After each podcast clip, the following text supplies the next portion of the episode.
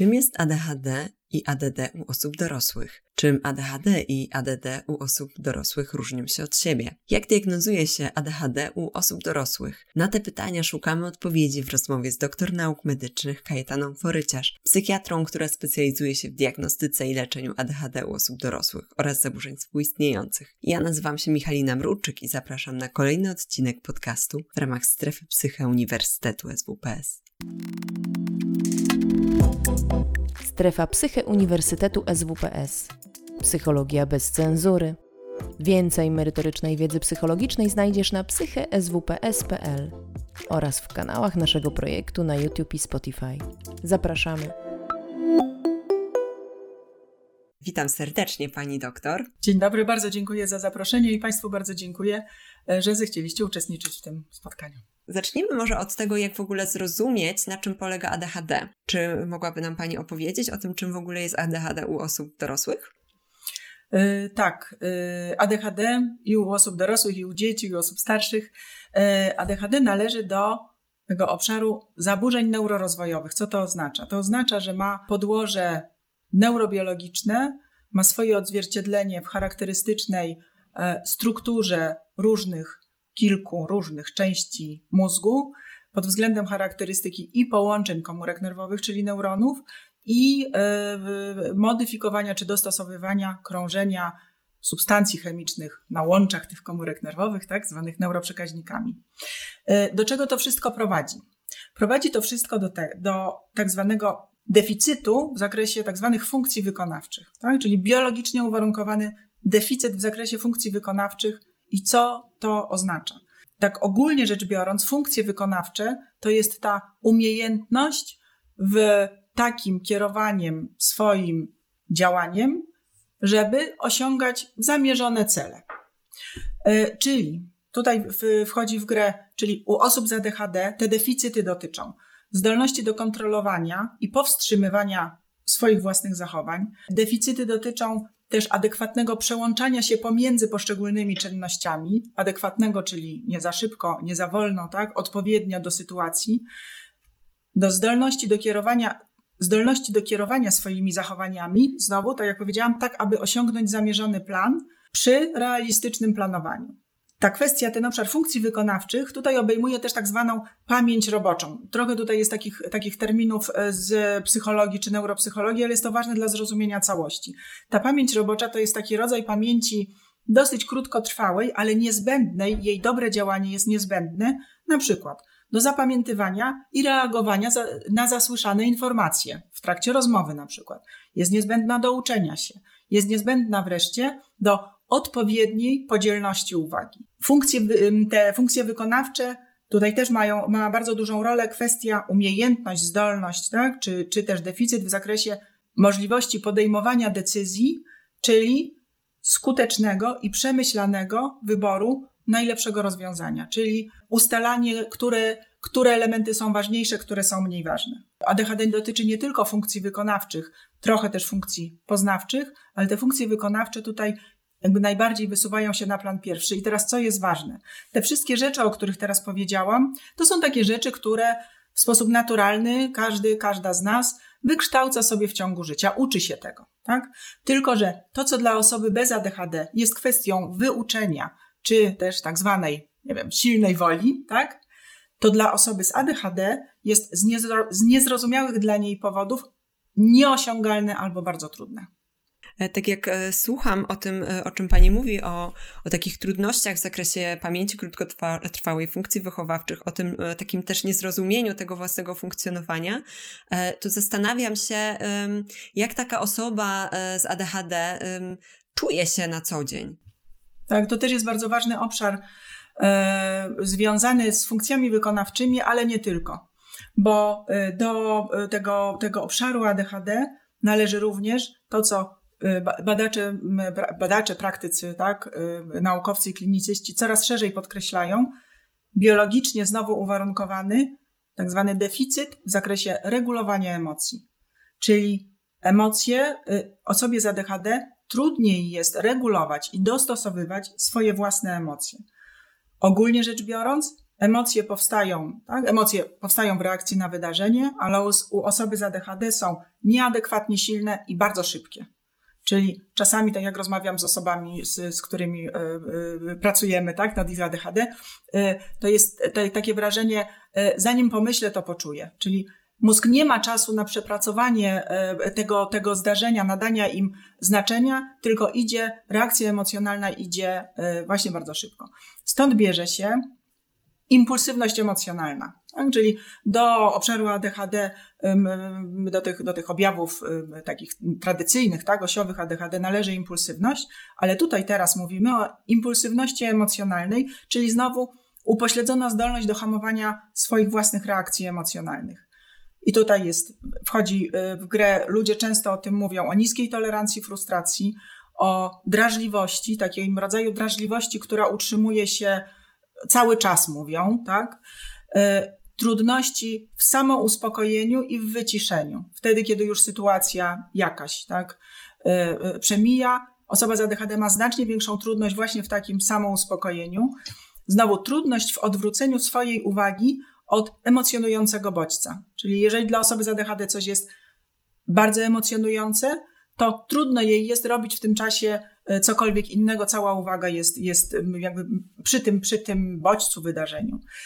Jednocześnie trudność w wypracowaniu tych zdrowszych i bardziej adekwatnych reakcji, mimo że osoba z ADHD widzi i rozumie negatywne skutki własnych zachowań.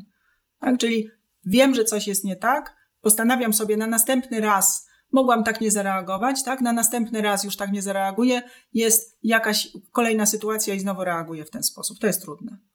Mhm. Też jest ważna właśnie ta, ta przy tej impulsywności, przy, tym, przy tej trudności w regulowaniu emocji, tak zwana labilność, czyli duża zmienność nastroju, która jest szybka i reaktywna, czyli zależy od bodźców. Te bodźce mogą być y, y, większe, mogą być mniejsze. Tymi bodźcami też mogą być własne myśli.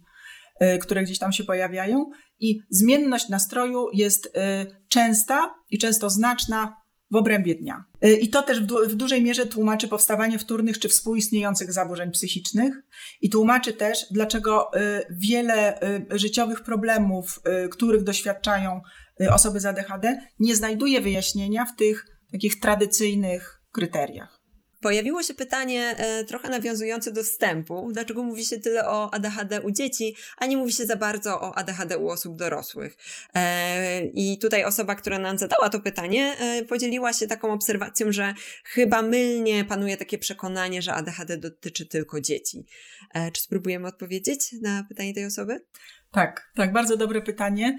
Yy, tutaj są dwa, dwa takie, yy, prawda, przetrwałe stereotypy często, że ADHD dotyczy tylko dzieci i tylko chłopców. Pewnie będzie też czas, żeby powiedzieć parę słów o tych odmiennościach u mężczyzn i u kobiet w obrazie, w charakterystyce ADHD, ale yy, też warto tutaj też zaznaczyć, że w ogóle badania nad obszarem ADHD, pierwsze badania i bardzo długo te badania były prowadzone tylko, tylko doty dotyczyły chłopców tak? U dziewczynek w ogóle się ten problem pomijało z różnych przyczyn, ale też y, mamy różne inne przykłady w różnych dziedzinach medycyny, że badania, y, badania z tych różnych dziedzin medycyny były prowadzone na przykład tylko na pacjentach mężczyznach, tak? I dostosowywane dawki leków, ustalane i zalecenia na podstawie badań, w których uczestniczyli tylko mężczyźni. Więc tutaj mamy też podobny, podobny przykład. Z pewnością też dlatego, że właśnie traktowano ADHD na początku i potem jeszcze długo jako y, to tak zwane zaburzenie hiperkinetyczne, tak, które jeszcze jest w tej klasyfikacji, która wciąż jeszcze obowiązuje. Czyli podkreślało się y, kwestię nadpobudliwości ruchowej. U dziewczynek rzadziej jest ta nadpobudliwość ruchowa, i też jest mniej akceptowana społecznie, więc dziewczynki też robią więcej, żeby ją jakoś ukryć. Y, jeżeli chodzi o to właśnie, czy ADHD jest tylko u y, dzieci, ADHD to jest, to jest ta y, charakterystyka tych struktur mózgowych, która jest stała, czyli ona jest przez całe życie. Dawniej rozumiano prawdopodobnie to w ten sposób, że ta nadpobudliwość ruchowa często wygasa albo znacznie się zmniejsza wraz z okresem dojrzewania. Ale pozostałe obszary, czyli te, o których mówiłam, kwestie trudności w koncentracji, w samoorganizacji i impulsywność pozostają, zmieniając swój obraz, bo też ludzie różnie sobie radzą z tymi trudnościami, ale zawsze jest to jakiś obszar trudności. Niezależnie od tego, jak dana osoba z ADHD, mm, co robi w życiu, e, jak, jak bardzo się rozwija, jakie e, e, ma takie wymierne jakby dowody tak, na swoje wysokie funkcjonowanie, to do tego dochodzi znacznie większym wysiłkiem niż osoba bez ADHD. Pojawiło się też pytanie o maskowanie ADHD. Mówiła teraz Pani w kontekście dziewczynek, że, że może się e, coś takiego pojawić, ale e, osoba, która zadała nam to pytanie na czacie, zadała nam już wcześniej, nie, więc jak rozumiem, nie chodzi tylko o dziewczynki, tylko w ogóle jak osoby doświadczające ADHD mogą maskować swoje trudności. Te trudności polegają na tym, tak jak powiedziałam już, że te rzeczy, które są dla osób bez ADHD e, jakoś łatwiej lub trudniej, ale w sposób naturalny osiągalne, dla osoby z ADHD są osiągalne znacznie trudniej. E, to powoduje, że osoba z ADHD dostaje już od dzieciństwa, dziecko z ADHD dostaje wielokrotnie więcej negatywnych komunikatów odnośnie swojej osoby w porównaniu do dziecka bez ADHD. I to są e, komunikaty właśnie takie taka sztandar, sztandarowe mm, określenie, które, które osoby z ADHD wspominają z dzieciństwa, zdolny, ale leń, tak? Gdybyś chciała, to byś mogła. Tak? Mhm. E, nie bądź taka roztrzepana i różne inne rzeczy. Więc to są, to są komunikaty, na podstawie e, których dziecko kształtuje takie obniżone poczucie własnej wartości. W związku z tym, dorastając, robi różne rzeczy, często, tak, żeby przykryć te trudności. Na przykład Znowu to się wymienia też w kontekście dziewczynek, kobiet, perfekcjonizm. Tak, jeżeli, e, jeżeli jest trudność z gubieniem, zapominaniem, znowu zapomniałaś zeszytu, tak, znowu musisz wracać do domu, e, to dziewczynki, czy też chłopcy, wchodzą w taki stan nadmiernego sprawdzania, wielokrotnego sprawdzania, czy aby na pewno niczego nie zapomnieli, nie zapomniały. Mm, także jeżeli chodzi o maskowanie tych, e, tej kwestii trudności z regulowaniem emocji, prawda? Wiadomo, jak źle społecznie jest oceniana e, kwestia e, trudności z regulowaniem emocji, tak, nieumiejętności. E, więc osoby często starają się, robią bardzo dużo, żeby tych emocji przynajmniej nie było po nich widać. Oczywiście kosztem, no, kosztem siebie, tak, i ewentualnie różnych wtórnych zaburzeń. E, w temacie maskowania zadano nam też pytanie, e, czy może tak być, bo mówiłyśmy wcześniej o, takim trudność, o takich trudnościach w wyciszeniu się, o impulsywności w reakcji na pojawiające się emocje. Pojawiło się pytanie o to, czy może być też odwrotnie, czy może być tak, że osoba e, z ADHD nie będzie emocji okazywała, albo nie będzie ich odczuwała. Nie wiem, zapytano nas o brak emocji, czy może tak się zdarzyć ze względu na to, że emocje są tym naszym takim, takim podstawowym biologicznym e, mechanizmem, który pomaga nam odnaleźć się w otoczeniu, prawda? No, też w warunkach takich naturalnych, czy z ADHD, czy nie, czy bez, e, emocje służą nam do szybkiej orientacji w otoczeniu. Czy mamy uciekać, czy walczyć, czy udawać, że nas nie ma, tak? Ogólnie, tak, tak ogólnie o tym mówimy. Mówimy też o tym, że raczej nie, nie ma takiego stanu, żeby nie odczuwać żadnych emocji, chociaż często w różnych mm, sytuacjach, e, czy, czy w różnych takich konfiguracjach trudnych, tak, e, w zakresie za, też zaburzeń, ale być może nie tylko, ludzie mówią o tym, że odczuwają pustkę, tak.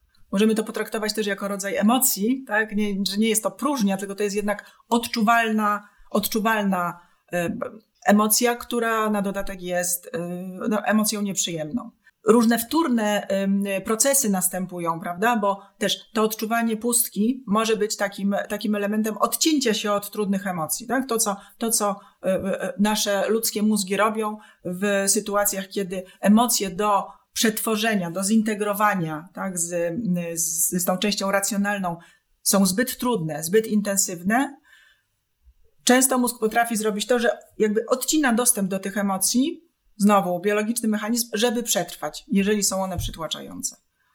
Nie wiem, czy to odpowiedziałam wystarczająco na to pytanie. Mi się pojawiły kolejne pytania, więc z mojej perspektywy tak.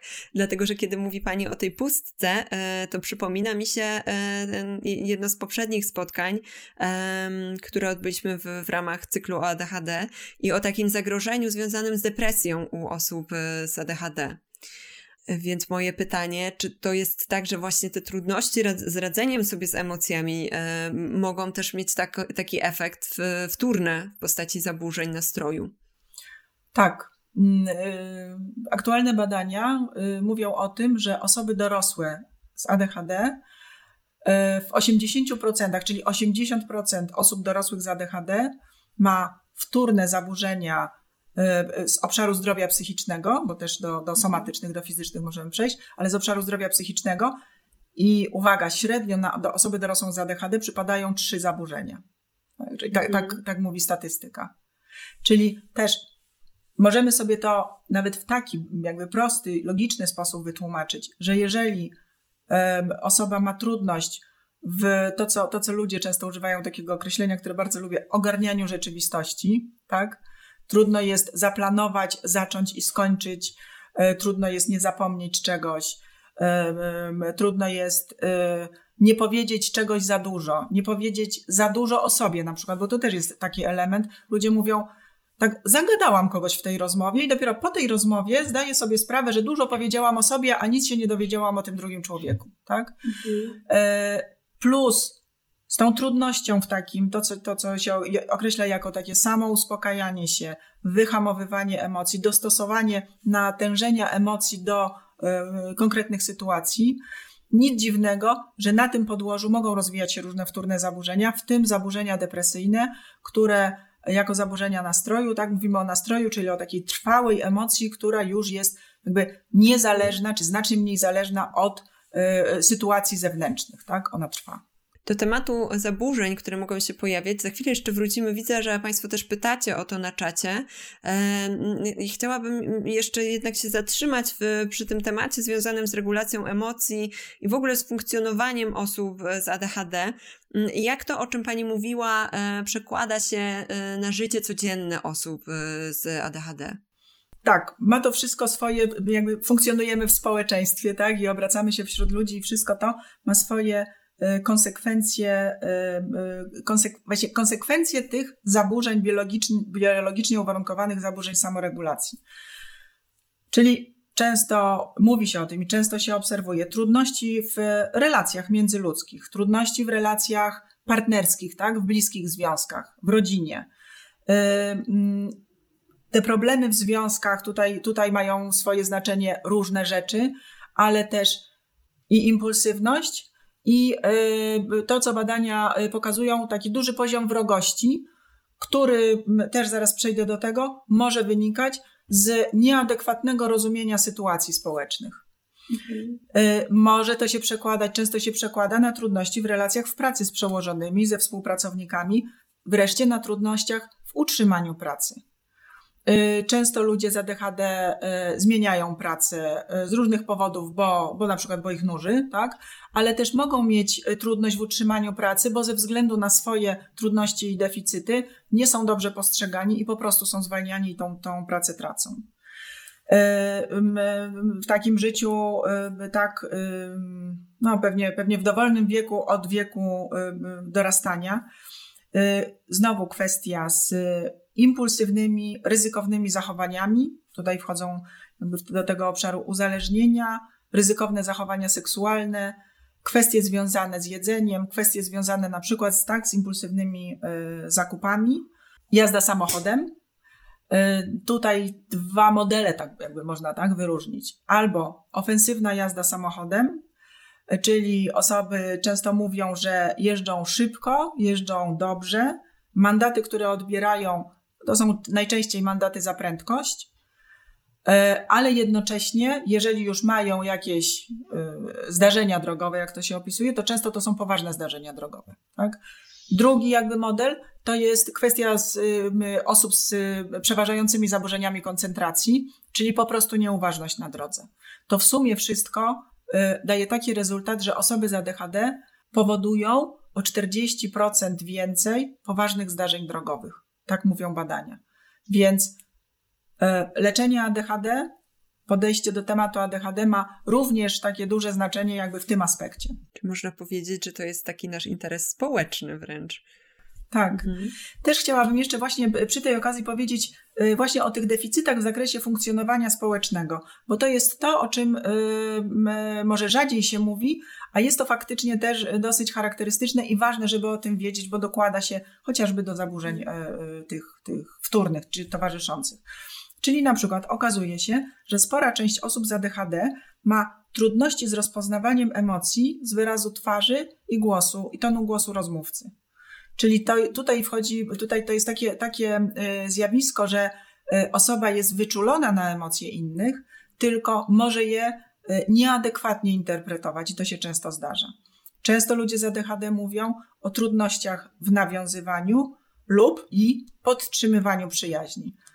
Znajomości, przyjaźnie jakby rozlatują się, rozluźniają się i znikają przy zmianach sytuacji życiowych, szkoły, końca studiów czy, czy, czy innych. Często osoby z ADHD doświadczają w grupach rówieśniczych, niezależnie od wieku, poczucia osamotnienia i poczucia, oso- poczucia bycia osobą inną i dziwną. To, co mówiłam, wyczulenie na emocje innych i nieprawidłowa ich interpretacja, ale ta interpretacja negatywna w stosunku do samej siebie czy do samego siebie. Częściej to dotyczy kobiet. Trudności z bliskością emocjonalną z innymi. Y, dostosowywanie swoich zachowań do emocji innych. Czyli też taka trudność w takim, w takim wyznaczeniu granic, tak naprawdę. Y, I trudności w dostosowaniu swojego zachowania do sytuacji. Te, te wszystkie rzeczy, które wymieniłam, y, przypominają cechy charakterystyczne dla spektrum autyzmu. Tak? Mhm. I tutaj, jako że ADHD należy wraz ze spektrum autyzmu i innymi zjawiskami do takiej grupy, która jest określana jako neuroatypowość, czyli część osób na świecie jest neurotypowa, część osób na świecie jest neuroatypowa, różnimy się między sobą właśnie ukształtowaniem struktur mózgowych, a przez to e, reaktywnością, e, rozumieniem na przykład tam zachowań, tak, czy, czy, czy relacji interpersonalnych. I chociaż wydaje się, że to są dwa Y, dwa bardzo odległe bieguny, to jednak one mają, po pierwsze mogą współistnieć, bardzo często współistnieją, a po drugie mają część wspólną i to jest na przykład ta część wspólna, jeżeli chodzi o charakterystykę. I mamy pytanie na czacie w tym temacie. E, czym e, odznacza się e, przyjaźnienie się z osobą, która może mieć ADHD? Jakie trudności, a jakie ułatwienia można spotkać, kiedy dużo się z nią przebywa? Osoba ta zaznacza, że pyta o perspektywę obu stron, czyli jak rozumiem osoby z ADHD i tej przyjaciółki bądź przyjaciela. Mhm. Y, tutaj tak, chciałabym podkreślić, że musimy o tym pamiętać, należy o tym pamiętać, że y, jesteśmy bardzo różni, tak? Różnimy się między sobą i też, y, mm, chociaż mówię o ADHD, czyli o pewnym, pewnej konkretnej konfiguracji, którą możemy rozpoznać, zdiagnozować, to jednak zachowuje to, to poczucie, że trudno jest rozpatrywać tak sztampowo, prawda, od jednego wzorca wszystkie sytuacje międzyludzkie. Też bardzo fajne jest to pytanie, bo jest e, e, jak to w życiu, trochę fajnego i trochę niefajnego może być, tak? E, te rzeczy, które mogą sprawiać trudności, to są właśnie te rzeczy, o których mówiłam. Impulsywność, duża wrażliwość, o, zapominanie, spóźnianie się na spotkania. To jest też dosyć charakterystyczne. Osoby z ADHD mają trudność z takim adekwatnym poczuciem czasu. Czyli ta trudność z planowaniem również polega na tym, że trudno jest ocenić, ile czasu na co mi potrzeba. Tak? Czyli tutaj z takich technicznych rzeczy często w grę wchodzi wychodzenie gdzieś na ostatnią chwilę, spóźnianie się takie czasami dłuższe, ale też czasami takie spóźnianie się o parę minut, e, które jest interpretowane na przykład jako brak szacunku w różnych tak, kontekstach. E, w trakcie psychoterapii na przykład, e, w niektórych podejściach e, spóźnienia często są traktowane jako forma jakiegoś rodzaju oporu, tak, nieuświadomionego, czy nie chce przychodzić, czy trudna jest ta psychoterapia. Jeżeli osoba ma ADHD, to na początku należy wziąć pod uwagę, że po prostu trudno jest jej zdążyć na czas i potrzebuje jakiejś bardziej takiej zwartej struktury zewnętrznej. E, jeżeli chodzi o przyjaźnie, też tak mi przychodzą do głowy takie, takie różne rzeczy życiowe. Na przykład osoby z ADHD mają skłonność, skłonność, mają, trudniej jest im pamiętać o datach urodzin, o różnych, o wspólnych rocznicach. I znowu to, co może być interpretowane, często jest interpretowane jako brak uważności na drugą osobę, tak? czy, czy, czy, czy brak dbałości o nią, to znowu w takim kontekście zapominania o urodzinach, zapominania, żeby oddzwonić, zapominania, żeby odpisać, tak? To również tutaj y, może się zawierać ten kontekst związany z tymi biologicznie uwarunkowanymi trudnościami, choć oczywiście różne inne rzeczy też się nakładają. Wiadomo, że y, żaden obszar, o którym byśmy tu mówili, czy, czy, czy mówicie w, Państwo w trakcie y, różnych innych webinarów, żaden obszar, rozpoznanie czy cechy nie definiują całego człowieka. Tak? Mówimy, w tym kontekście mówimy o pewnym y, wycinku. Dla mnie to pytanie też jest e, bardzo ciekawe, bardzo ważne, mm, e, dlatego że jako osoba, która pracuje z młodzieżą, e, bardzo często właśnie spotykam się z nastolatkami z ADHD, właśnie na tym etapie, kiedy te relacje społeczne są szczególnie ważne i szczególnie trudno jest je utrzymać właśnie w kontekście różnych konfliktów, które mogą się pojawiać. Dlatego przede wszystkim chcę zwrócić uwagę na zasób w kontekście tego, o czym mówiła pani doktor, że te przyjaźnie dla osób z ADHD są bardzo ważne i, i bardzo często wkładają dużo pracy w to, żeby je utrzymać. Tak. Też jeszcze, bo pytanie było też, jakie są e, fajne kawałki, a ja się skupiłam na tych, na tych trudniejszych. E, no często jest tak, że, że osoba z ADHD, mówię nie zawsze, tak? Często jest tak, że osoba z ADHD nadaje, nadaje taką, takiego, przydaje takiego życia w, w grupie. Osoby z ADHD często są otwarte na zmiany, chętne do zmian mają różne pomysły, są kreatywne. Stąd też takie, takie, mm, jakby takie przekonanie, że osoby z ADHD są dobrymi e, na przykład dyrektorami kreatywnymi, bo trudniej jest im ten pomysł e, systematycznie e, wdrożyć w życie, przeprowadzić do końca, ale jeżeli jest taka opcja, że podają zarys pomysłu, dopracowanie do pewnego momentu i mogą go przekazać do realizacji, mogą e, przynosić oczywiście bardzo duże, duże e, korzyści dla jakichś e, wspólnych projektów. Mówiliśmy teraz o takich relacjach, o przyjaźniach, o takich relacjach też pracowniczych. A jak to jest w kontaktach rodzinnych i w rodzinie takiej pochodzenia osoby z ADHD? Jak to się przekłada też na takie doświadczenie w dorosłości? Y, mówimy o ADHD u dorosłych, ale y, to, jacy jesteśmy w dorosłości, w dużej mierze kształtowało się wtedy, kiedy byliśmy dziećmi, kiedy uczyliśmy się, jaki jacy my jesteśmy, jaki jest świat, jacy są inni ludzie. Y, ADHD ma uwarunkowanie biologiczne, tak? co, co, co, co chwilę podkreślam, więc występuje w rodzinach. Czyli osoba dorosła, każda osoba, tak? ale osoba z ADHD, z rozpoznaniem ADHD, ma najprawdopodobniej co najmniej jedno z rodziców albo z cechami ADHD, albo y, z jakby pełnoobrazowym ADHD. Z czym to się wiąże? ADHD u rodziców, zaburzenia regulacji emocji, zaburzenia funkcji wykonawczych, tak? brak konsekwencji przy dużej reaktywności emocjonalnej, na przykład. Tak? To się wiąże z, bardzo często z przemocą, czy fizyczną, czy psychiczną, krzykiem, tak? gwałtownością. E, to się wiąże z istnieniem uzależnień u rodziców osób z ADHD. Wiąże się z, właśnie z wtórnymi zaburzeniami psychicznymi, z depresją na przykład u jednego z rodziców, z rozpadami związków rodziców, czy też wreszcie z konfliktami z prawem. E, jeżeli tak jest właśnie, że są, jest rodzic czy rodzice z ADHD i dziecko z ADHD, Czyli dziecko z ADHD ma te zaburzenia, o których mówimy, zaburzenie regulacji emocji, samostabilizacji, samouspokajania i, i radzenia sobie z e, e, jakby dniem codziennym i dostaje jeszcze, doświadcza jeszcze urazowych doświadczeń, tak? Czyli jest wys, znacznie wyższe ryzyko rozwoju takiego traumatycznego zaburzenia biologii mózgu. To się nazywa zaburzenia potraumatyczne. Znacznie częściej występują u osób z ADHD także u osób w spektrum autyzmu, znacznie częściej niż e, u osób e, neurotypowych, a dają obraz, w wielu zakresach dają obraz bardzo podobny.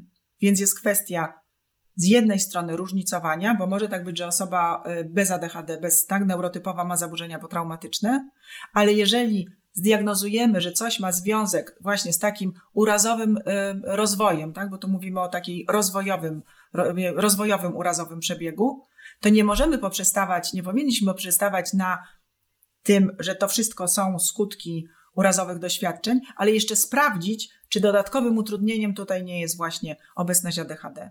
Mówimy o rodzinie, ale też jeżeli chodzi o kwestie takie właśnie urazów w sensie psychicznym, przemocowe metody wychowawcze. Tak? Dzieci z ADHD bardziej podatne, bardziej wrażliwe, bardziej podatne na te traumatyczne skutki. Jeżeli są stosowane przemocowe metody wychowawcze, czy też terapeutyczne. I tutaj chciałabym podać taki przykład wykładu, który niedawno słyszałam, czyli to się dzieje, dzieje tu i teraz. E, wykładu, w którym było przedstawiane użycie szoku elektrycznego w programie modyfikacji zachowań dzieci w spektrum autyzmu. Tak? Jeżeli jest osoba w spektrum autyzmu, to z y, znacznym prawdopodobieństwem ma również y, ADHD, ze znacznym prawdopodobieństwem, więc to też jakby się zawiera. Osiągano tam wysokie e, wyniki i cieszono się, że uniknięto stosowania e, e, leków, farmakologii. Więc proszę sobie wyobrazić, z powodu tych, tych urazów, które dostały przez rażenie prądem, tak, powstrzymywały się od zachowań. Możemy sobie wyobrazić, jakie to miało, miało skutki, będzie miało skutki i ma skutki w dorosłości. Powiem szczerze, że e, takie e, czuję duże poruszenie po tym, co usłyszałam od pani. Dlatego może skłonię się ku pytaniom z czatu w tej chwili. Um, dlatego, że przeszliśmy do tematu właśnie współwy współwystępowania e, różnych trudności u osób z ADHD, czy to spowodowanych właśnie doświadczeniami rodzinnymi, czy też funkcjonowaniem w ogóle osób w społeczeństwie. Także już wiemy, że z jednej strony mo może być to efekt e, takich trudności e, z, z, rodziny pochodzenia i wiemy, że może być to, że pewne problemy mogą, mogą po prostu współwystępować ze względu na też bodźce takie społeczne, które dostają osoby z ADHD. E, I osoby na czacie, ja tak sobie przejrzałam, dlatego że już mamy dużo pytań, które się pojawiały od samego początku naszej rozmowy, które dotyczą właśnie mm, współwystępowania. Zwrócono nam na na przykład uwagę, że objawy, o których mówiłyśmy, bardzo przypominają borderline i e, tutaj osoba pyta, jak to rozróżnić. E, pojawiło się też pytanie o współwystępowanie z właśnie z, e, chorobą afektywną dwubiegunową. Dalej pojawiło się również pytanie o współwystępowanie ADHD i zespołu Aspergera i jak zróżnicować, co, jest, co było pierwsze, kura czy jajko w tym przypadku, jak zróżnicować, co jest źródłem trudności. Tak, to są takie, takie naj, najczęściej pojawiające się tutaj pytania. Czy w takim razie możemy teraz porozmawiać o współwystępowaniu z różnymi innymi trudnościami? Tak. Najczęściej osoby z ADHD dorosłe doświadczają zaburzeń lękowych, w drugiej kolejności depresyjnych. E, zaraz też odpowiem na pytania dotyczące e, właśnie zaburzenia osobowości borderline i choroby afektywnej dwubiegunowej. Jeżeli chodzi o zaburzenia lękowe, tutaj, tutaj się e, jakby składają często dwie rzeczy.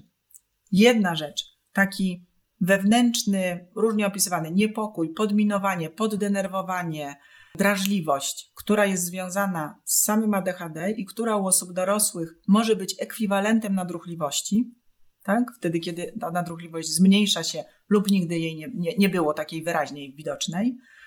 I dodatkowo zaburzenia lękowe, które powstały wtórnie ze względów chociażby takich, o których mówiłyśmy do tej pory. Mhm. O zaburzeniach depresyjnych y, też mówiłyśmy tak, w tym kontekście.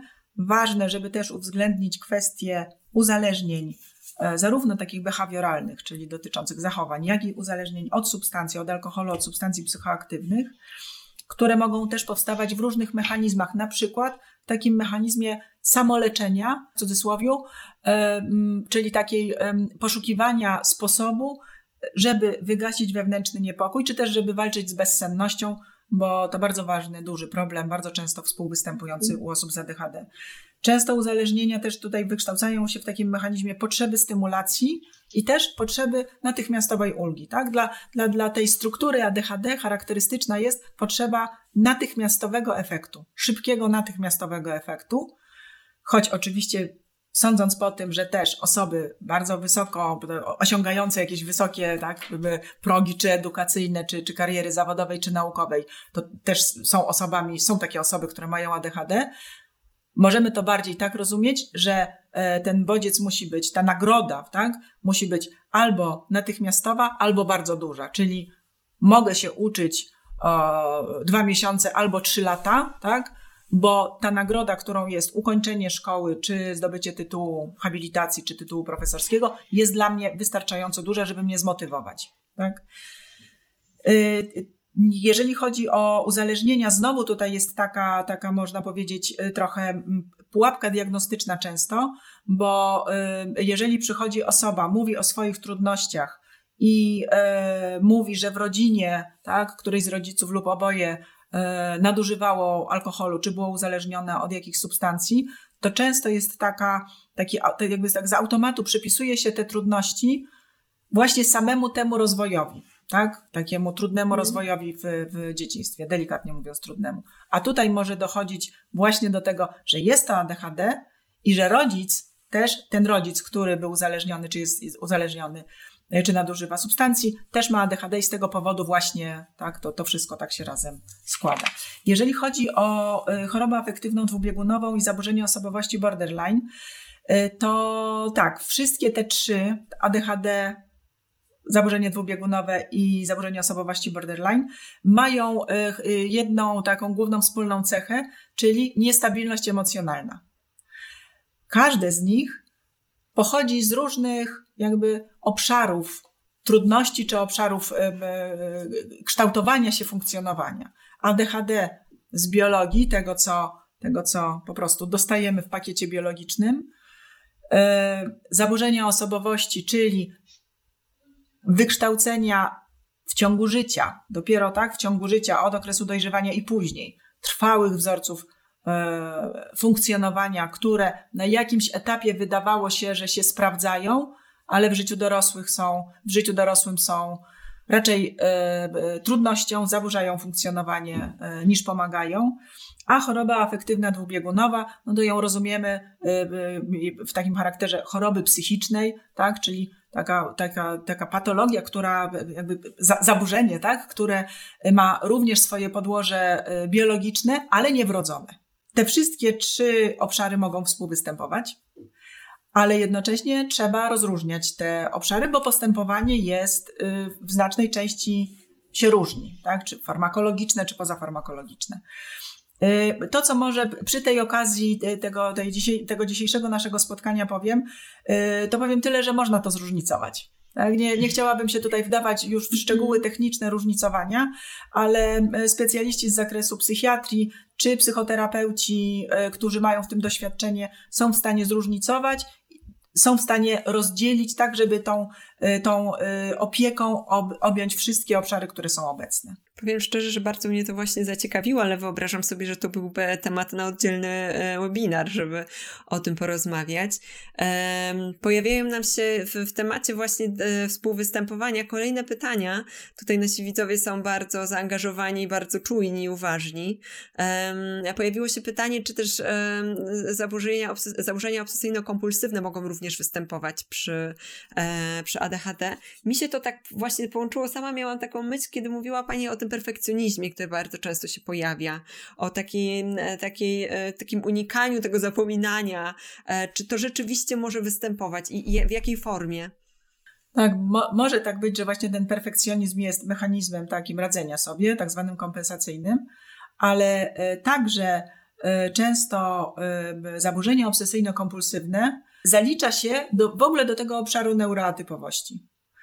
Y, wiemy o tym, że ono ma y, y, takie swoje istotne podłoże neurobiologiczne, więc jest wyraźne wskazanie do farmakoterapii, jednocześnie z psychoterapią. Tak? Bo, bo, wiemy, że tutaj w innych zaburzeniach, w zależności od, od ich nasilenia, od ogólnego uwarunkowania, często jest tak, że e, są zalecenia rozpocząć psychoterapię, leki w miarę potrzeb. Tak? My, właśnie zaburzenia obsesyjno-kompulsywne, tutaj jest wyraźne wskazanie na farmakoterapię i jednoczesną psychoterapię, więc to uwarunkowanie biologiczne i to zaliczenie tego, tego tak zwanego OCD do obszaru neuroatypowości też już samo w sobie mówi o współwystępowaniu. Było jeszcze pytanie o współwystępowanie z zespołem Aspergera.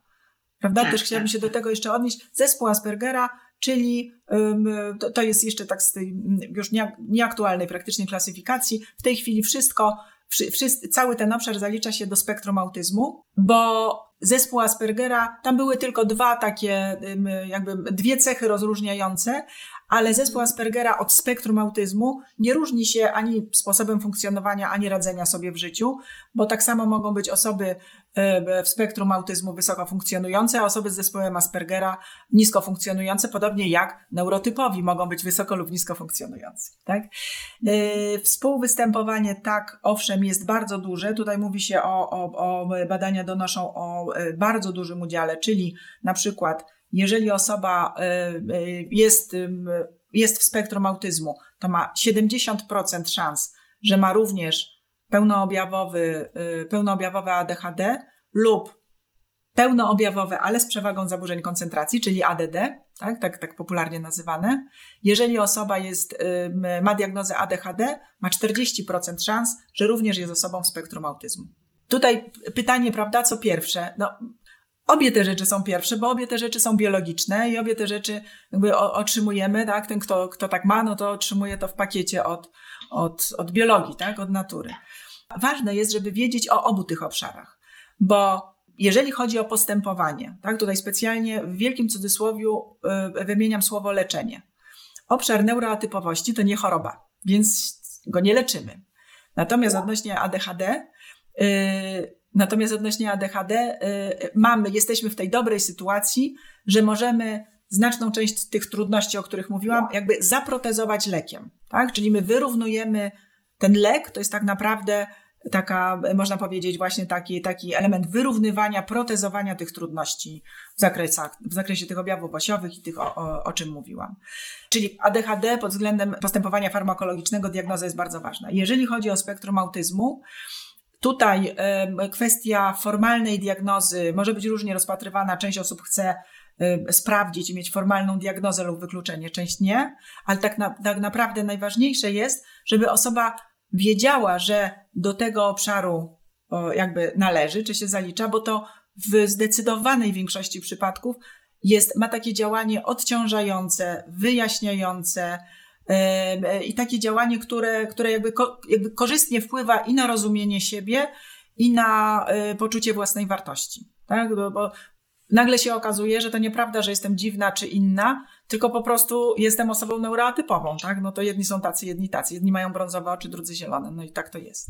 E, w ogóle mam wrażenie, że mówienie o neuroróżnorodności jest takim, takie bardzo otwierające i pogłębiające samo poznanie, więc bardzo się cieszę, że Pani też do tego nas zachęca, żebyśmy przyglądali się sobie e, pod tym kątem. E, pytają nas też widzowie odnośnie tego, o czym mówimy, jak ma się hamująca napęd depresja wobec wzmożonego napędu z ADHD?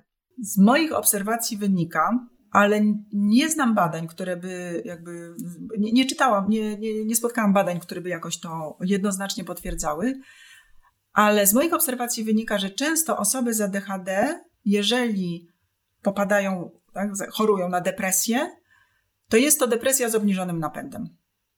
Mhm. Czyli, czyli tak, jakby to było tak, zupełnie co innego niż y, było do tej pory. Y, rzadziej, znacznie rzadziej w mojej praktyce, tak, spotykam się z depresją, e, z depresją i zachowanym takim napędem, jaki, jaki człowiek miał przed, e, przed zachorowaniem. Na pewno, jeżeli, jeżeli tak jest, jeżeli to by się potwierdzało w jakichś szerszych badaniach, to, no to ciekawe by było zbadanie, jakie są zależności też właśnie neurobiologiczne tych dwóch e, procesów. A myśląc o tym w kategoriach takich zasobów, być może jest to kwestia po prostu jakiegoś wyczerpania, tak sobie pomyślałam, i, i jakiejś takiej potrzeby odpoczynku z, ze strony naszego ciała. Być może coś nam w ten sposób próbuje powiedzieć. Chciałam to poruszyć w ten sposób, ale się mhm. zatrzymałam, bo, yy, yy, bo nie jest to takie konkretne, prawda? Nie ma takiego mhm. umocowania w badaniach, ale też, też yy, aż się samo nasuwa, żeby to w ten sposób rozumieć. Przy tym na przykład przy tym wszystkim, o czym mówiłyśmy, ale jednocześnie ze skłonnością osób z ADHD do przeciążania się, do przekraczania własnych ograniczeń, czy to jeżeli, jeżeli jest to osoba, która bardzo lubi ruch, czy to w ćwiczeniach fizycznych, tak? Idę na siłownię i tam jestem 4 godziny po prostu do upadłego, czy to w mhm. ilości pracy, czy to w ogóle w ilości zajęć w ciągu dnia. Pojawiło się też pytanie o skuteczność terapii. Ja wiem, że o terapii będziemy jeszcze mówić za chwilę, ale skuteczność terapii uzależnień u osób z ADHD. I myślę, że to jest istotne w temacie tego współwystępowania, bo mówiłyśmy też o, tej, o tych trudnościach e, z kontrolą impulsów. E, czy, czy mogłaby Pani się odnieść do tego elementu właśnie współwystępowania uzależnień? Mhm. E, z kolei, biorąc pod uwagę, że ADHD badania wskazują, że występuje u 3 do 5% osób dorosłych w tak zwanej populacji ogólnej. Tak? Natomiast w przypadku osób dotkniętych uzależnieniem to jest na pewno co najmniej 40%. Tak? Więc tutaj widzimy, że spora część osób, które, które korzysta z terapii w zakresie e, terapii uzależnień, e, również e, ma ADHD. I tutaj łatwo sobie można to wyobrazić, że terapia uzależnień będzie e, ta, ta, trudniejsza i jej efektywność może być i najprawdopodobniej będzie e, znacznie mniejsza, jeżeli jednocześnie nie, jak to się mówi, nie zaadresuje się tematu ADHD. Ja dlatego mówię, nie zaadresuje się, bo to oczywiście, że to jest pytanie i to jest do decyzji e, lekarza, tak, pewnie po konsultacjach z, z terapeutą prowadzącym terapię, jaki rodzaj postępowania czy farmakologicznego, czy pozafarmakologicznego i w jakim obszarze można zaproponować osobie uzależnionej. Chciałabym, żebyśmy przeszli, e, przeszły już do pytania, które też się bardzo często pojawia na czacie e, i widzę, że jest takie e, wzbudzające emocje. E, jakie są różnice u kobiet? Od razu powiem, że widzimy się już niedługo z kolejną ekspertką wokół tematu właśnie ADHD u kobiet, więc myślę, że nie musimy poświęcać na to jakoś bardzo dużo czasu, bo będziemy mieć na to całą godzinę e, w grudniu. Także bardzo proszę, tak, żeby to zróżnicować u osób dorosłych, jak to jest u kobiet, czym się różni. Tak, yy, właśnie, też, też yy, jakby zawsze zwracam uwagę na to, że jeżeli mówi się o, yy, często mówi się o odmiennościach u kobiet, prawda? E, podczas kiedy tak, wolałabym, żeby się mówiło o różnicach. tutaj akurat też w tym kontekście rozmawiamy, bo kobiety to jest 50% populacji, prawda? Więc to nie jest jakiś, jakiś jeden wycinek różny od innych, tylko po prostu połowa ludzi ma tak, połowa tak. E, u kobiet, dosłownie rzeczywiście w takim dużym skrócie. E, często jest tak, chociaż nie zawsze, że jest przewaga zaburzeń koncentracji i samoorganizacji nad hiperaktywnością, E, czyli tutaj mamy częściej do czynienia z tą postacią tak, tak popularnie nazywaną ADD, tak? Co, co medycznie wszystko zaliczamy do obszaru y, ADHD. ADHD u dziewczynek rzadziej jest zauważane, bo w ogóle często nie bierze się go pod uwagę z powodów historycznych, bo dziewczynki nie sprawiają kłopotów wychowawczych.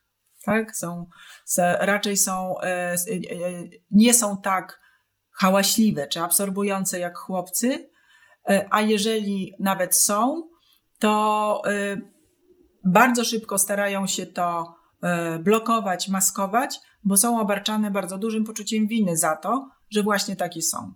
Bo dziewczynkom to nie wypada, tak? Mhm. Mówię to, to, to, co się często słyszy, tak? Czy słyszało. Badania mówią o tym, że nawet jeśli jest podobny obraz ADHD, to jeżeli jest kierowany chłopiec z tym samym obrazem objawowym ADHD i dziewczynka, to chłopiec miał większą szansę na skierowanie do pomocy specjalistycznej i do uzyskania pomocy i dalszego leczenia niż dziewczynka. Czyli tutaj całe rozumienie, prawda, tej tematyki e, w zależności od płci.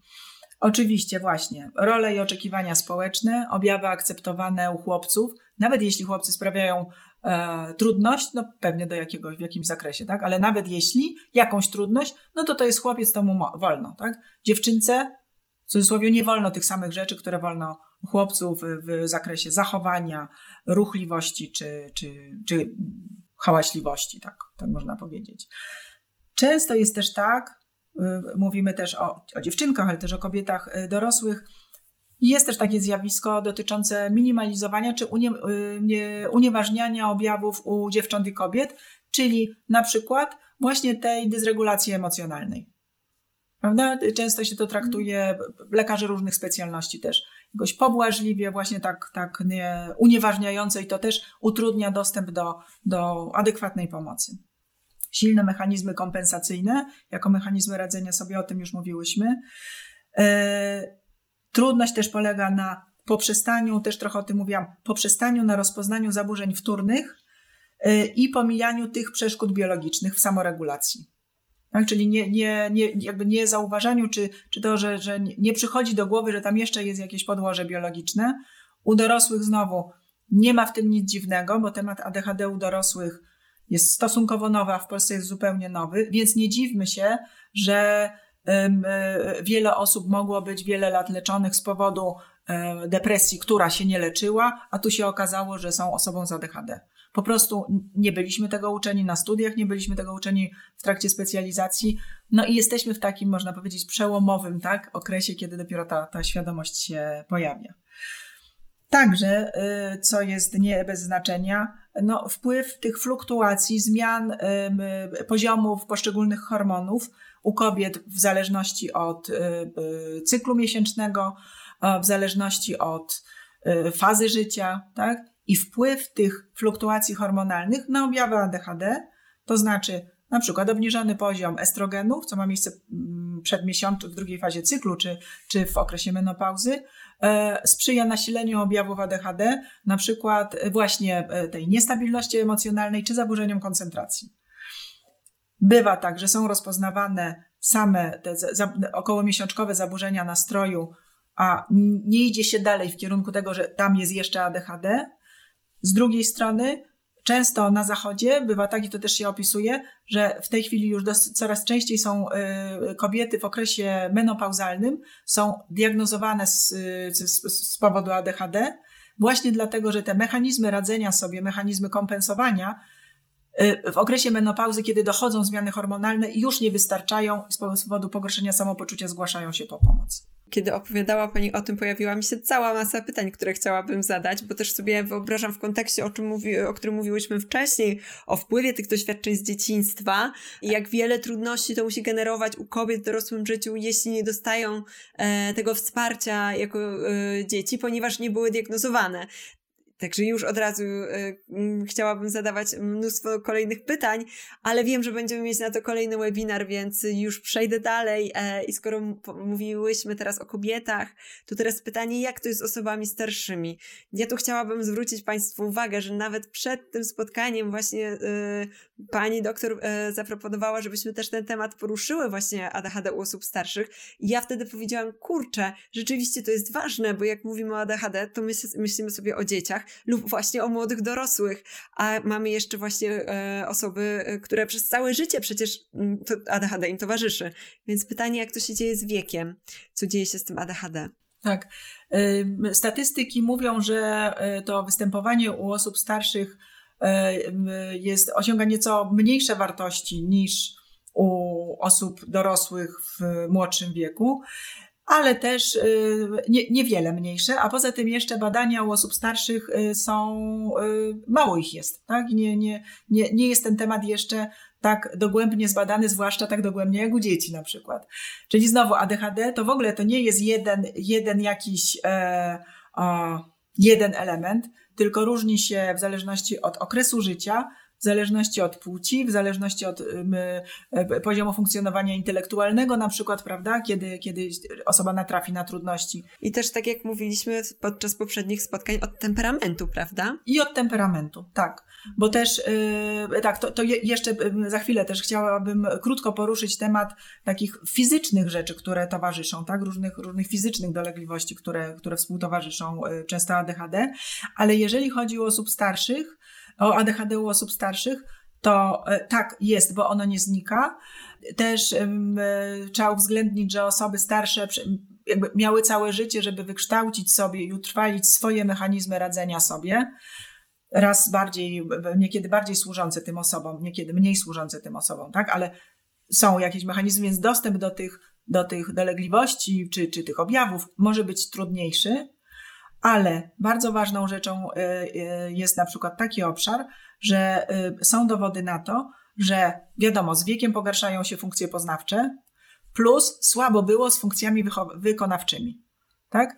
Więc osoba ma rozpoznawane na przykład zaburzenia otępienne, podejrzenie czy rozpoznawane zaburzenia otępienne, a okazuje się, że albo to nie są zaburzenia otępienne, tylko ADHD o takim obrazie, albo przynajmniej jest to jednym z elementów. Czyli tutaj znowu e, leczenie, tak, za, za, zaprotezowanie farmakologiczne, jeżeli tylko to jest możliwe mm, ze względu na ogólny stan zdrowia. E, ADHD może prowadzić do znacznej poprawy funkcjonowania. Przechodzimy e, płynnie do tematu diagnozy w takim razie. E, czy mogłaby nam Pani powiedzieć, jak w ogóle wygląda proces diagnozy ADHD u osób dorosłych? Tak. E, proces diagnozy polega na analizie tej historii rozwoju danej osoby i analizie rozwoju i funkcjonowania na poszczególnych etapach życia. Jakby tą zasadniczą częścią i w wielu przypadkach też wystarczającą jest szczegółowo przeprowadzony wywiad. Jeżeli chodzi o e, kwestie badań, badań psychologicznych, na przykład i testów, one mogą mieć znaczenie pomocnicze e, w części przypadków. Znaczy, pewnie zawsze pomagają tak, w, w, w, diagnostyce, ale nie zawsze są niezbędne. One pomagają, ale same testy psychologiczne ani nie potwierdzają, ani nie wykluczają rozpoznania. Natomiast badanie, bo pytanie też, kto diagnozuje, prawda? Ostateczną diagnozę stawia lekarz, też jest kwestia farmakologii, więc to jest, to jest oczywiste, ale proces diagnostyczny może przeprowadzać zarówno e, lekarz, jak i psycholog. Najlepiej, żeby to było razem też w ośrodkach na przykład w Anglii, takich specjalistycznych dla osób z ADHD, tam jest w ogóle taki zespół, lekarz i psycholog, którzy prowadzą diagnostykę. E, I e, w każdej sytuacji e, konsultacje psychologiczne są pomocne, tak? To na pewno tak. Natomiast o co chodzi z tym wywiadem? Wiemy też, i to wiadomo, że jest dostępny w internecie taki kwestionariusz diagnostyczny. DIVA 2 jest bezpłatny, DIVA 5 jest płatny. Y, I często się zdarza, że osoby y, po prostu ściągają ten kwestionariusz, wypełniają tam poszczególne kratki y, i na przykład przedstawiają lekarzowi, czy też wysyłają lekarzowi mailem. Tutaj warto jest, bardzo ważne, żeby podkreślić, że to jest kwestionariusz, który ma osobie przeprowadzającej diagnostykę, dla niej ma stanowić pomoc, żeby o niczym nie zapomniała. Tak? Tym, tym kwestionariuszem można się też nie posługiwać w momencie, jak już osoba badająca już ma w pamięci cały ten kwestionariusz i te wszystkie obszary, które powinna szczegółowo zbadać. Natomiast takie samodzielne wypełnienie kwestionariusza też jakby nie chciałabym też do tego jakoś szczególnie zniechęcać. Jak ktoś ma y, ochotę, to niech to zrobi, zwłaszcza, że jeżeli bym zniechęcała, to tylko to może zachęcić, tak? Ale jeżeli osoby przysyłają mi wypełniony kwestionariusz DIVA, to nie jest to dla mnie żadna wskazówka ani w tą, ani w tą stronę. Bo też bardzo ważne jest, żeby tą diagnostykę przeprowadzić starannie, e, z wystarczającą otwartością i elastycznością, bo to też nie o to chodzi, żeby tam bardzo sztywno co do, co do jednej cyferki się trzymać e, kryteriów, a jeżeli jedna, jeden punkcik jest za mało, to już nie, to absolutnie nie. Tutaj trzeba zachować dużą elastyczność, e, ale jednocześnie wystarczającą skrupulatność do tego, żeby diagnostyka była precyzyjna, a przez to precyzyjnie zaplanowane dalsze postępowanie bo na przykład to zaopatrzenie tak, farmakologiczne, leki, które się stosuje w ADHD, nie będą pomocne w wielu obszarach dla osoby, która nie ma ADHD. Owszem, poprawią koncentrację, ale w innych obszarach mogą być dla osoby bez ADHD raczej szkodliwe niż pomocne dwie osoby zadały nam pytanie, które bardzo mnie zaciekawiło, mianowicie jak tak naprawdę wygląda ta diagnostyka u osób dorosłych, ponieważ tutaj te osoby dzielą się takim doświadczeniem, że psychiatrzy negują ADHD u osób dorosłych. E, na przykład stwierdzają, że to nie jest ADHD, tylko stany lękowe. Tu jedna osoba napisała nam tak. Druga osoba z kolei napisała, że usłyszała od jednej ze specjalistek, że to już nie jest potrzebne w dorosłości, że lepiej się nie szufladkować. I, i odnoszę takie wrażenie, że, że jest to jakiś taki, e, nie wiem, czy jakiś taki mit, czy jakieś takie kolejne przekonanie, że ADHD u osób dorosłych nie występuje. Czy może się Pani też do tego odnieść? Jak to wygląda? E, jak w ogóle może szukać w takim razie specjalisty, który, który mógłby taką diagnozę przeprowadzić bez negowania, tylko rzeczywiście wysłuchując osoby, która e, przychodzi podejrzewając, że może mieć ADHD? Też chciałabym uwzględnić to, o czym już mówiłam, że y, temat ADHD jest tematem relatywnie nowym. Tak? Oczywiście, że, że jako lekarze mamy obowiązek uzupełniać swoją wiedzę w oparciu o najnowsze zdobycze tak, nauki.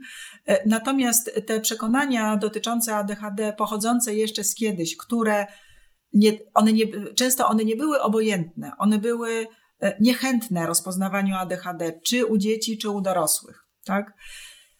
Też no, ja jako lekarka, yy, koleżanka, tak, tych lekarzy i lekarek, których nie mam nikogo konkretnego w tej chwili na myśli, ale jakoś też staram się rozumieć z tego punktu, yy, no też, że takie, takie przekonania mogą jeszcze pokutować, co oczywiście nie znaczy, że osoby, które są pacjentami, też są zobowiązane do rozumienia tego tematu, tak, bo, bo osoba, która jest pacjentem, no to przychodzi po to, żeby uzyskać adekwatną diagnozę i propozycję jakiegoś adekwatnego postępowania. E, w każdym przypadku, kiedy e, zaburzenia lękowe, depresyjne czy jakiekolwiek inne długo się nie leczą, pomimo zastosowania optymalnych sposobów, leczenie farmakologiczne, psychoterapia czy psychoterapia, leczenie farmakologiczne, podkreślam rolę psychoterapii w leczeniu czy opiekowaniu się zaburzeniami psychicznymi. E, jeżeli nie przynoszą e, wystarczających skutków, to zawsze warto sobie zadać pytanie, czy tam jeszcze pod spodem czegoś więcej nie ma. A może być spektrum y, autyzmu, może być ADHD, mogą być, te, mogą być te biologiczne skutki urazowych doświadczeń. To bardzo często się zdarza. No i też jakieś inne rzeczy. Czyli podsumowując, jeżeli ktoś. Yy jakaś osoba, która nas teraz słucha, e, podejrzewa, że może mieć ADHD, to w pierwszym kroku e, gdzie powinna szukać pomocy? Mhm.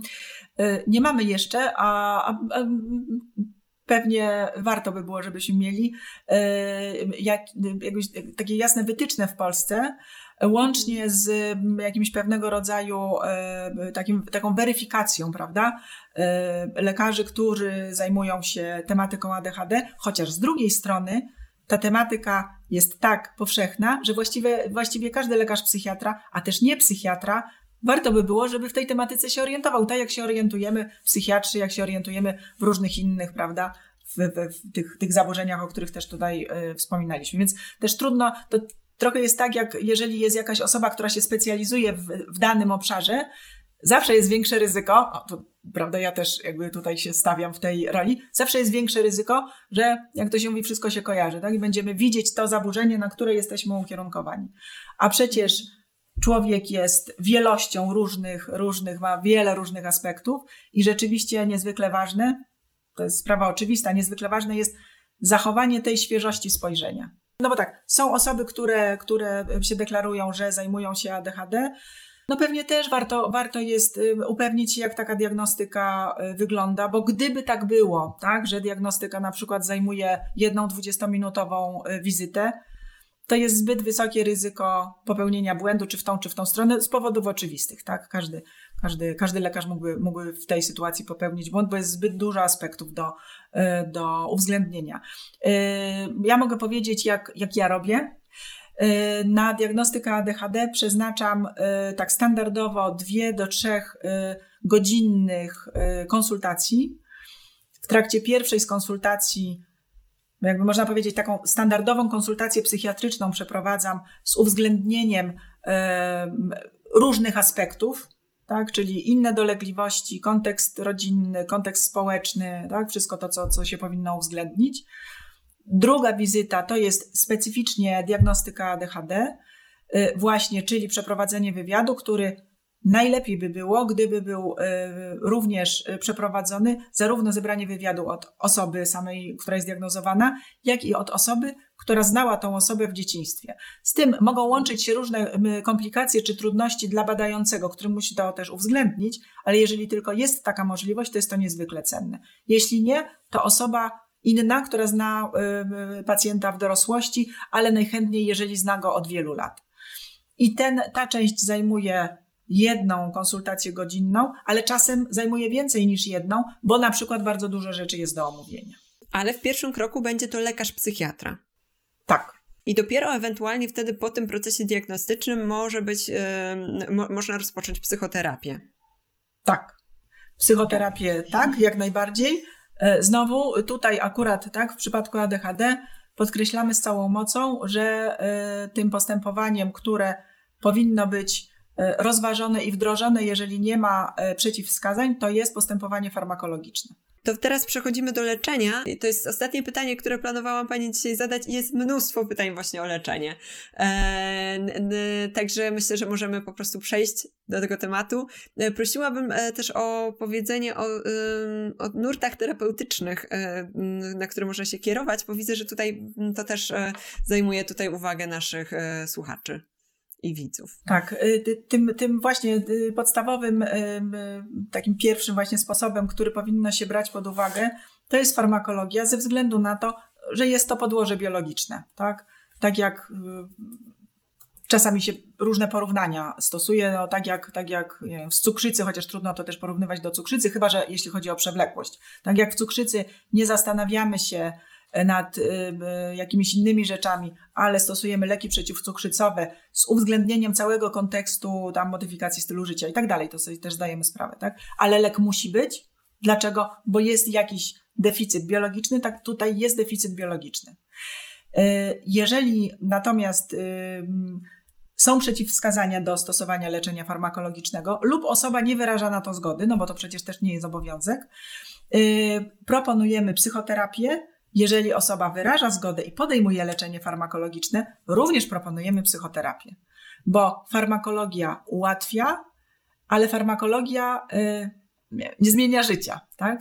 Farmakologia w ADHD dopiero daje tą podstawę, że na przykład można uczyć się regulowania emocji, co wcześniej było niemożliwe, że na przykład można uczyć się, jak sobie zaplanować, zacząć i skończyć i uczyć się, jak wyczuwać lepiej e, czas, jak się organizować, żeby się nie spóźniać. Tak? No to takie ogólne różne rzeczy mówię.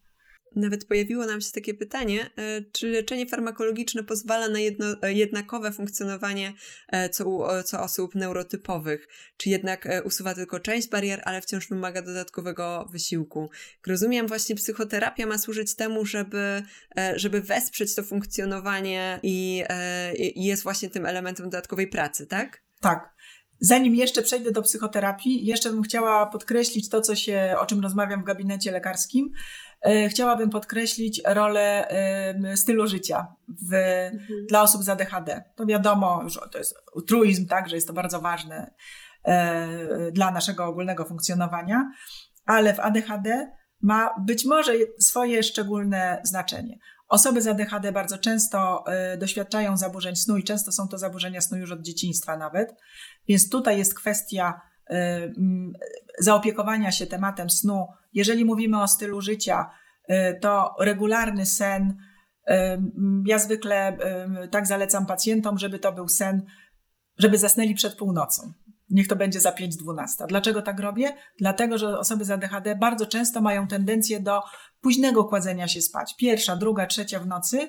Potem y, muszą wstawać na przykład do pracy na jakąś godzinę poranną, więc mają ciągły deficyt snu, a deficyt snu robi człowiekowi to, że zaburza koncentrację i zwiększa impulsywność. Czyli znowu tutaj, prawda, te, te mechanizmy jakoś się pokrywają. E, więc sen, żeby było 7,5-8 godzin na dobę każdej doby i żeby był w regularnych porach. E, bardzo ważny jest ruch. Badania mówią, że dla osoby z ADHD jest niezbędne 30 minut co najmniej umiarkowanego wysiłku dziennie. Więc pracując z osobami, tak z pacjentami, za każdym razem też pewnie osoby to, to wiedzą i pamiętają, za każdym razem mówię i pytam o to, Y, czy tego ruchu jest tyle, czy jest szybki spacer 30 minut dziennie, niezależnie od pogody. Tak? Y, więc ten styl życia. Jeżeli chodzi o jedzenie, tutaj też jest y, szeroki temat jedzenia, tak, co pomaga, co nie pomaga. Wiem, że wiem, że dużo różnych jest publikacji w internecie też na ten temat. Nie ma jednoznacznych wskazań, żeby sposób żywienia jakoś zasadniczo wpływał na Y, y, objawy. Natomiast y, jest zalecenie racjonalnego, zdrowego sposobu odżywiania, to już tutaj nie będę się jakby w to zagłębiać. Jeżeli chodzi o psychoterapię, wszystkie badania jednoznacznie wskazują na terapię poznawczo-behawioralną. Terapia poznawczo-behawioralna ma zarówno taki element mm, zaopiekowania się tym, co tu i teraz, tak? jak sobie radzić na bieżąco, ale również ma taki element aktywnej nauki regulowania emocji. Czasami się pojawiają takie um, opinie czy zdania, że ta terapia poznawczo-behawioralna to jest taki warsztat, taka tresura, tak? nawet, nawet głupio jest mi to wy, wypowiadać. Podczas kiedy w terapii poznawczo-behawioralnej właśnie jest szansa nauczenia się, jak to konkretnie zrobić, żeby te emocje regulować. Jeżeli osoba będzie poznawała sposoby, będzie radziła sobie lepiej w takich codziennych rzeczach, właśnie w takim w cudzysłowie ogarnianiu rzeczywistości, to, to znowu jest takie samo napędzające się, samo napędzający się mechanizm w takim pozytywnym kierunku. E, nawet prawda, wiemy, że, że pod wpływem uporania się z zaburzeniami samoorganizacji czy koncentracji poprawia się nastrój. No bo nastrój może być wtórnie skutkiem tego, że człowiek po prostu trudno jest wyrabiać tak, się ze wszystkim. Są też wymieniane nurty takie jak terapia dialektyczno-behawioralna, która jest jakby dedykowana osobom z, z zaburzeniem osobowości borderline, aczkolwiek jest to y, nurt terapii właśnie nastawiony na naukę regulowania emocji, więc wszystkie te obszary obejmuje. Y, są też wymieniane, y, jest też wymieniana terapia mindfulness, Czyli mówię to, o czym mówią badania, i tutaj nie mamy jakby dużego pola do, do, do domysłów różnych. E, z takich moich refleksji, na pewno powinna to być terapia jakkolwiek ustrukturyzowana, bo osoba z ADHD ma trudność ze strukturyzacją i ma też trudność często ze strukturyzacją rozmowy, mówiąc płynnie, dużo, przechodząc pomiędzy swoimi skojarzeniami. Więc jeżeli uda się do terapeuty, który E, jest terapeutą, który milczy i komentuje od czasu do czasu, tak, to potrafi zagadać całą sesję. Oczywiście mówię, różnie bywa, tak, ale często jest taki mechanizm. Wychodzi z poczuciem frustracji, terapia nie posuwa się do przodu e, i jeszcze jakby może się wyrabiać taki mechanizm, e, że rzeczywiście coś jest ze mną nie tak. Tak? Bo chodzę, mało tego, widzę swoje trudności, ale jeżeli nie będę się uczyć w terapii aktywnie sobie z nimi radzić, to będę je widzieć i tylko będę w sobie podtrzymywać tą wiedzę, że jestem nie taka. Mhm. No, więc taki mechanizm wchodzi w grę. Yy, I też kolejna rzecz, coaching. Coaching ADHD, niezależnie od farmakologii, psychoterapii. W Wielkiej Brytanii jest to rozpowszechniony sposób postępowania, pewnie, pewnie nie tylko, ale, ale tam też się szkoliłam. W Polsce niestety y, mało rozpowszechniony, czy w ogóle nie rozpowszechniony, a szkoda, no bo coaching to już jest taka strukturyzacja zewnętrzna, tak, bardzo konkretna tego, żeby wspomagać osobę w różnych konkretnych rzeczach dnia codziennego. Spoglądam teraz na takie pytanie, które bardzo mocno mi rezonuje po tym, o czym Pani mówiła. Czy jest sposób na radzenie sobie z ADHD naturalnie, bez leków? E, wymieniła Pani różne sposoby niefarmakologiczne, ale jak rozumiem, one mają tylko wspierać, bo podstawowym sposobem działania e, u większości osób będzie e, farmakoterapia, prawda? Takie są zalecenia. Natomiast y, y, badania, które zostały przeprowadzone na dużych grupach y, tak, osób, E, wskazują na to, są takie badania, są, są, różne, tak, ale wskazują na wysoką, e, wysoką skuteczność psychoterapii poznawczo-behawioralnej, czy też z tych innych nurtów nieco mniejszą, ale to potraktujmy, możemy tak potraktować e, nawet wspólnie. Najwyższa skuteczność jest farmakoterapia plus psychoterapia. Są badania, które wskazują, że sama farmakoterapia lub sama psychoterapia mogą mieć nawet takie działanie porównywalne. Więc to jest takie, prawda, bardzo, bardzo zachęcające. Znowu pytanie, jak to wygląda w konkretnych przypadkach, y, czy dokładają się jakieś inne towarzyszące zaburzenia, o których mówimy, prawda, które, które y, no, utrudniałyby ten proces. Więc jeżeli osoba nie wyraża zgody na, jeżeli nie ma przeciwwskazań, a nie wyraża zgody na farmakoterapię, gorąco zachęcam, przekonuję do psychoterapii ukierunkowanej, ale jednocześnie wracam do tematu od czasu do czasu, bo często jest to, na przykład, są to osoby, które leczą się z powodu zaburzeń depresyjnych czy lękowych, chodzą na psychoterapię, korzystają z psychoterapii, ale nie chcą leku na ADHD. Nie? Więc to jest y, trudno, żebym nie zachęcała do leku tego ukierunkowanego, który ma pomóc w tym stabilizowaniu i szybszym i skutecznym wyjściu z tych zaburzeń wtórnych. Obiecuję, że to już jest ostatnie pytanie, bo sama Pani do tego nawiązała, a mamy dużo takich pytań właśnie o łączenie e, leków na ADHD z lekami e, antydepresyjnymi. E, jak to jest? Czy, czy można te stymulanty łączyć, czy, czy nie można łączyć? Mogłaby Pani nam odpowiedzieć na to pytanie? Tak. Udzielam oczywiście odpowiedzi bardzo ogólnej, która dopiero może być w konkretnym przypadku konkretnej osoby tak zweryfikowana przez specjalistę, który zajmuje się leczeniem danej osoby. Ale co do zasady, można łączyć leki przeciwdepresyjne z, ze stymulantami, a nawet trzeba to robić. Może powstawać i często powstaje pytanie, jaki lek najpierw włączyć. Przychodzi osoba z, do diagnostyki ADHD, na przykład z własnym podejrzeniem ADHD, to się często zdarza i często są to trafne samodiagnozy przychodzi z takim podejrzeniem, ale wynika w trakcie badania, że tutaj są do zaopiekowania wieloletnie zaburzenia depresyjne, czy wieloletnie zaburzenia lękowe, z których ta osoba nawet nie zdaje sobie do końca sprawy, bo już tak się do tego przyzwyczaiła. Tak, do takiego poziomu funkcjonowania. I wtedy jest pytanie, czy najpierw włączyć lek na ADHD, czy najpierw włączyć lek na to, na to wtórne współtowarzyszące zaburzenie. Zasada jest taka, że włączamy lek na to, co uznajemy za bardziej znaczące w danym momencie. Tutaj to, to różnie bywa, który lek jest pierwszy włączany, ale tak jak najbardziej leczenie przeciwdepresyjne czy przeciwlękowe lekami przeciwdepresyjnymi jak najbardziej można i często należy łączyć. Muszę przyznać, że mieliśmy bardzo dużo pytań. E, tutaj nasi widzowie są bardzo aktywni. Dziękuję Państwu bardzo za te pytania. E, starałam się zadać ich jak najwięcej, czasami je grupowałam, e, lub też zdarzało się, że Państwo o coś pytaliście, a po chwili pani doktor nam tutaj już odpowiadała, jakby przewidując, o co możecie Państwo pytać. Mm, jeżeli tak się zdarzyło, że nie uzyskaliście odpowiedzi, to Was też zachęcam do tego, żeby spojrzeć na poprzednie webinary, przyjść na kolejny, być może gdzieś jeszcze pojawi się odpowiedź na to pytanie, e, dlatego że temat ADHD widzę, że jest bardzo takim tematem e, rozgrzewającym dyskusję e, mm, już troszeczkę mu poświęciliśmy czasu i będziemy dalej poświęcać. Czy mogę jeszcze prosić Panią o polecenie może jakichś książek albo jakichś innych źródeł informacji dla osób, które by chciały temat pogłębić? Oczywiście po angielsku jest więcej materiałów, jest całe mnóstwo, po polsku jest ich znacznie mniej. E, takie dwie książki są e, mm, Jak żyć z ADHD e, i w świecie ADHD autora Hallowell i drugiego jeszcze. Jeżeli chodzi o angielskie strony internetowe, bardzo chętnie polecam taką stronę, która się nazywa attitudemac.com. Jeden wyraz, attitudemac. Dobrze, fajnie napisane artykuły o wysokim poziomie merytorycznym, a napisane tak normalnie dla ludzi. Tak, tak sobie myślę, zwłaszcza jeżeli się chce poczuć ten, ten klimat, tą specyfikę ADHD, można skorzystać z takich z różnych kanałów na YouTubie, które prowadzą osoby, które mają ADHD. One są mniej lub bardziej żartobliwie prowadzone, bo czasami też tak bywa, tak? Bo jednak osoby z ADHD bardzo często się charakteryzują dużym poczuciem humoru.